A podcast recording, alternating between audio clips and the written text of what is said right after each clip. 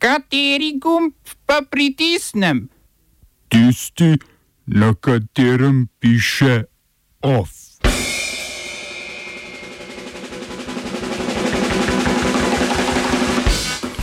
Sporne predsedniške volitve v Ugandi.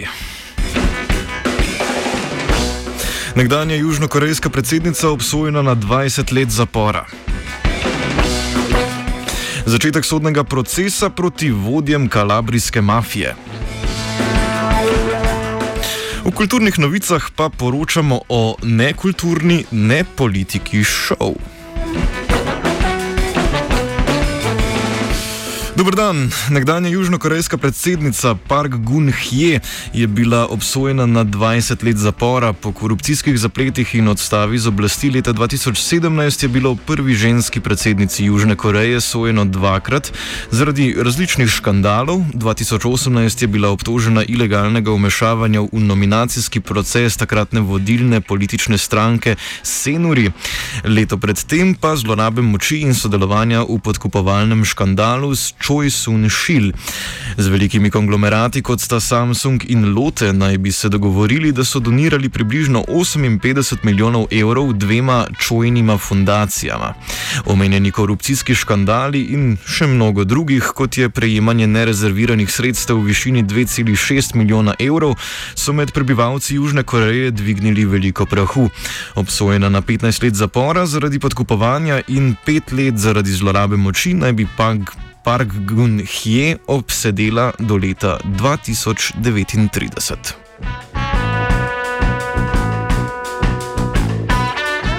Včeraj so v glavnem mestu Ugande, Kampali, potekale volitve, zaradi katerih prihaja do nenehnih nemirov.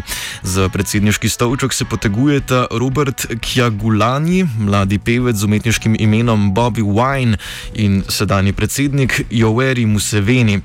Museveni je na oblasti že od leta 1986 in se poteguje za svoj šesti mandat, glede na zadnje rezultate pa je videti, da ga bo tudi dobil. Njegov nasprotnik Bobby Wine sicer zanika, zanika Musevenijevo vodstvo v anketah in nasprotno stranko obtožuje prirejanja rezultatov. Pevec si kot pravi želi demokratizacijo države, njegovi posegi v volitve pa so vodili k mnogobitnim aretacijam. V nasilju, ki se širi z volitvami, je bilo ubitih 54 ljudi, 26 pripadnikov koalicije pa je bilo zaradi ilegalnega posega v volilni postopek aretiranih. Med volilnim procesom ni bilo mogoče dostopati do interneta, od samega pričetka volitev pa po kampali patrulirali patruljirajo vojaške enote. Volitve se bodo zaključile v soboto popovdne. Prihajajoči ameriški predsednik Joe Biden je napovedal nov paket gospodarske pomoči v višini več kot 1500 milijard evrov za boj proti pandemiji in posledično gospodarski krizi. Biden se je že lani zaobljubil, da bo pandemijo obravnaval resneje kot predsednik Donald Trump, ta paket pa naj bi to pomagal uresničiti z novimi sredstvi za cepivo proti koronavirusu in gospodarsko okrevanje. Novi predsednik, ki bo položaj prevzel 20. januarja, bo tako pokazal, ali lahko sodeluje z razdeljenim kongresom, v katerem bodo sicer demokrati imeli nadzor nad obema zbornicama in ali lahko izpolni obljubo, da bo državo spravil iz krize. Strategija, ki jo je izbral Biden, načrtuje 825 milijard dolarjev pomoči američanom, ki bodo prejeli po 1400 dolarjev oziroma 1125 evrov. ZDA se sicer sooča z veliko zdravstveno krizo, saj je bilo okuženih več kot 23 milijonov ljudi, za virusom pa jih je umrlo več kot 385 tisoč. Biden se je zavezal, da bo v stotih dneh omogočil šolarjem, da se vrnejo v šolo, njihovi starši pa na delo. Od novega paketa pomoči želi še 330 milijard evrov ponuditi za pomoč podjetjem, zvezdnim državam ter mestom, ter 40 milijard evrov za testiranja.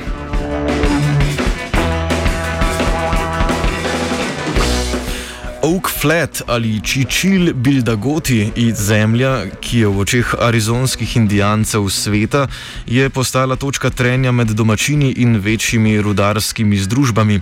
Ameriška vlada želi namreč ozemlje prodati Rio Tintu, eni največjih rudarskih korporacij. Ta si želi na ozemlju zagotoviti dostop do izjemno bogatega rudnika Bakra, ki bi lahko v svoji največji proizvodnji prinesel kar četrtino celotnega deleža Bakra v državi hkrati uničil sveto ozemlje. To naj bi bilo ilegalno v lasti ameriške vlade že 160 let, zaradi česar domačini temu odločno nasprotujejo. Korporacija Rio Tinto pa trdi, da, ruba, rudar, da bo rudarske projekte izvedla na način, s katerim se bo kulturna dediščina ohranila.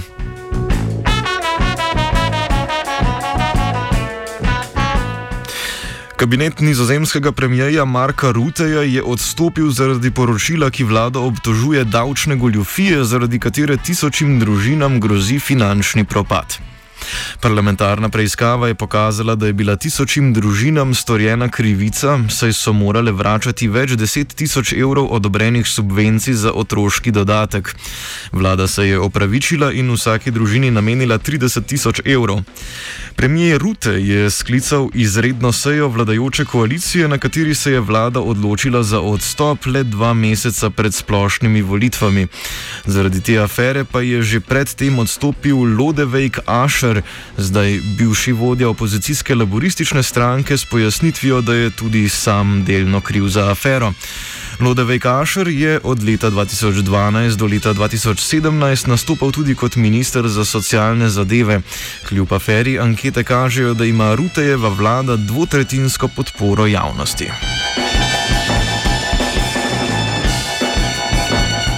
Danes se začenja sodni proces proti več kot 350 domnevnim članom kalabrijske mafije, pa tudi politikom, odvetnikom in drugim obtoženim. Zaradi epidemioloških razmer sojenje poteka v zato prirejeni visoko varovani sodni dvorani v Južni Kalabriji, v mestu Lamecija Terme, ki je tudi središče mafijskega poslovanja. Njihova kriminalna dejanja vključujejo umore, trgovino z ljudmi, preprodajo drog, pranje denarja ter mnoge druge. Ndrangeta, ena najstarejših in najmočnejših kriminalnih organizacij na svetu, se je v letih uspešno vključila v vse vrste javnega življenja, oblasti pa verjamejo, da obstaja okoli 150 kalabrijskih družin ter okoli 6000 članov te razupite organizacije. Trenutni proces, ki ga vodi državni tožilec Nikola Grateri, se nanaša predvsem na družino Mankuzo, ki ima oblast nad območjem Vibo Valencija. Skoraj vsi obtoženi, ki naj bi jih bili bilo okrog 300, so bili aretirani v napadu decembra 2019, takratna preiskava pa je potekala kar v 11 italijanskih regijah, pa tudi v Nemčiji, Švici in Bolgariji. To preiskavo in aretacijo so označili kot največjo operacijo proti kriminalnim združenjem od sojenja v Palermo leta 1992, ko so sicilijanski toživci na klop posedli 475 ljudi. Trenutni proces bo lahko trajal tudi več kot eno leto.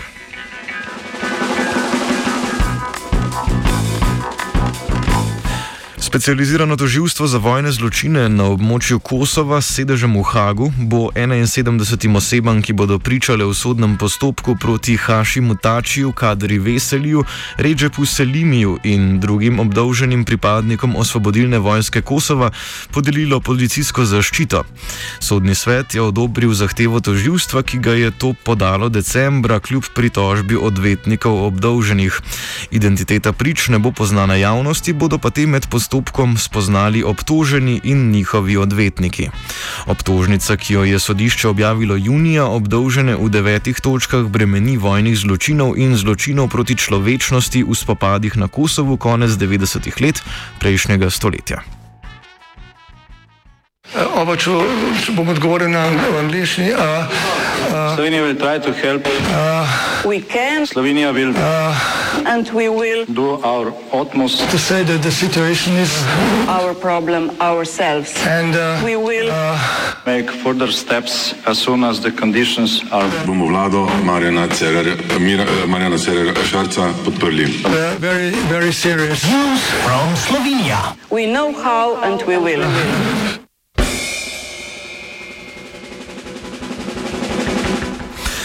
Novinarska konferenca predsednikov strank koalicije ustavnega loka KUL in kandidata za novega predsednika vlade Karla Rjavca je bila napovedana danes za 13. uro.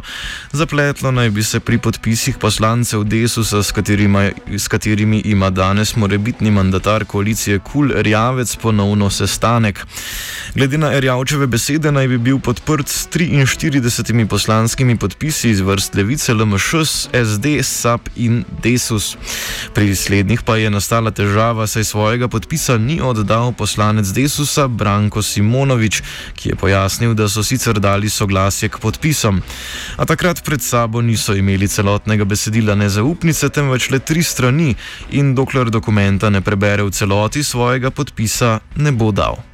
Za izvolitev novega predsednika vlade je potrebnih 46 poslanskih glasov, kljub Orjavčevim napovedim pa bo šele danes znano, koliko bo resnično poslanskih podpisov pod predlogom nezaupnice vladi Janeza Janše. Nezaupnica naj bi bila predstavljena danes na novinarski konferenci, če pa ne bo izglasovana, Erjavec napoveduje možnost novega izstopa iz politike.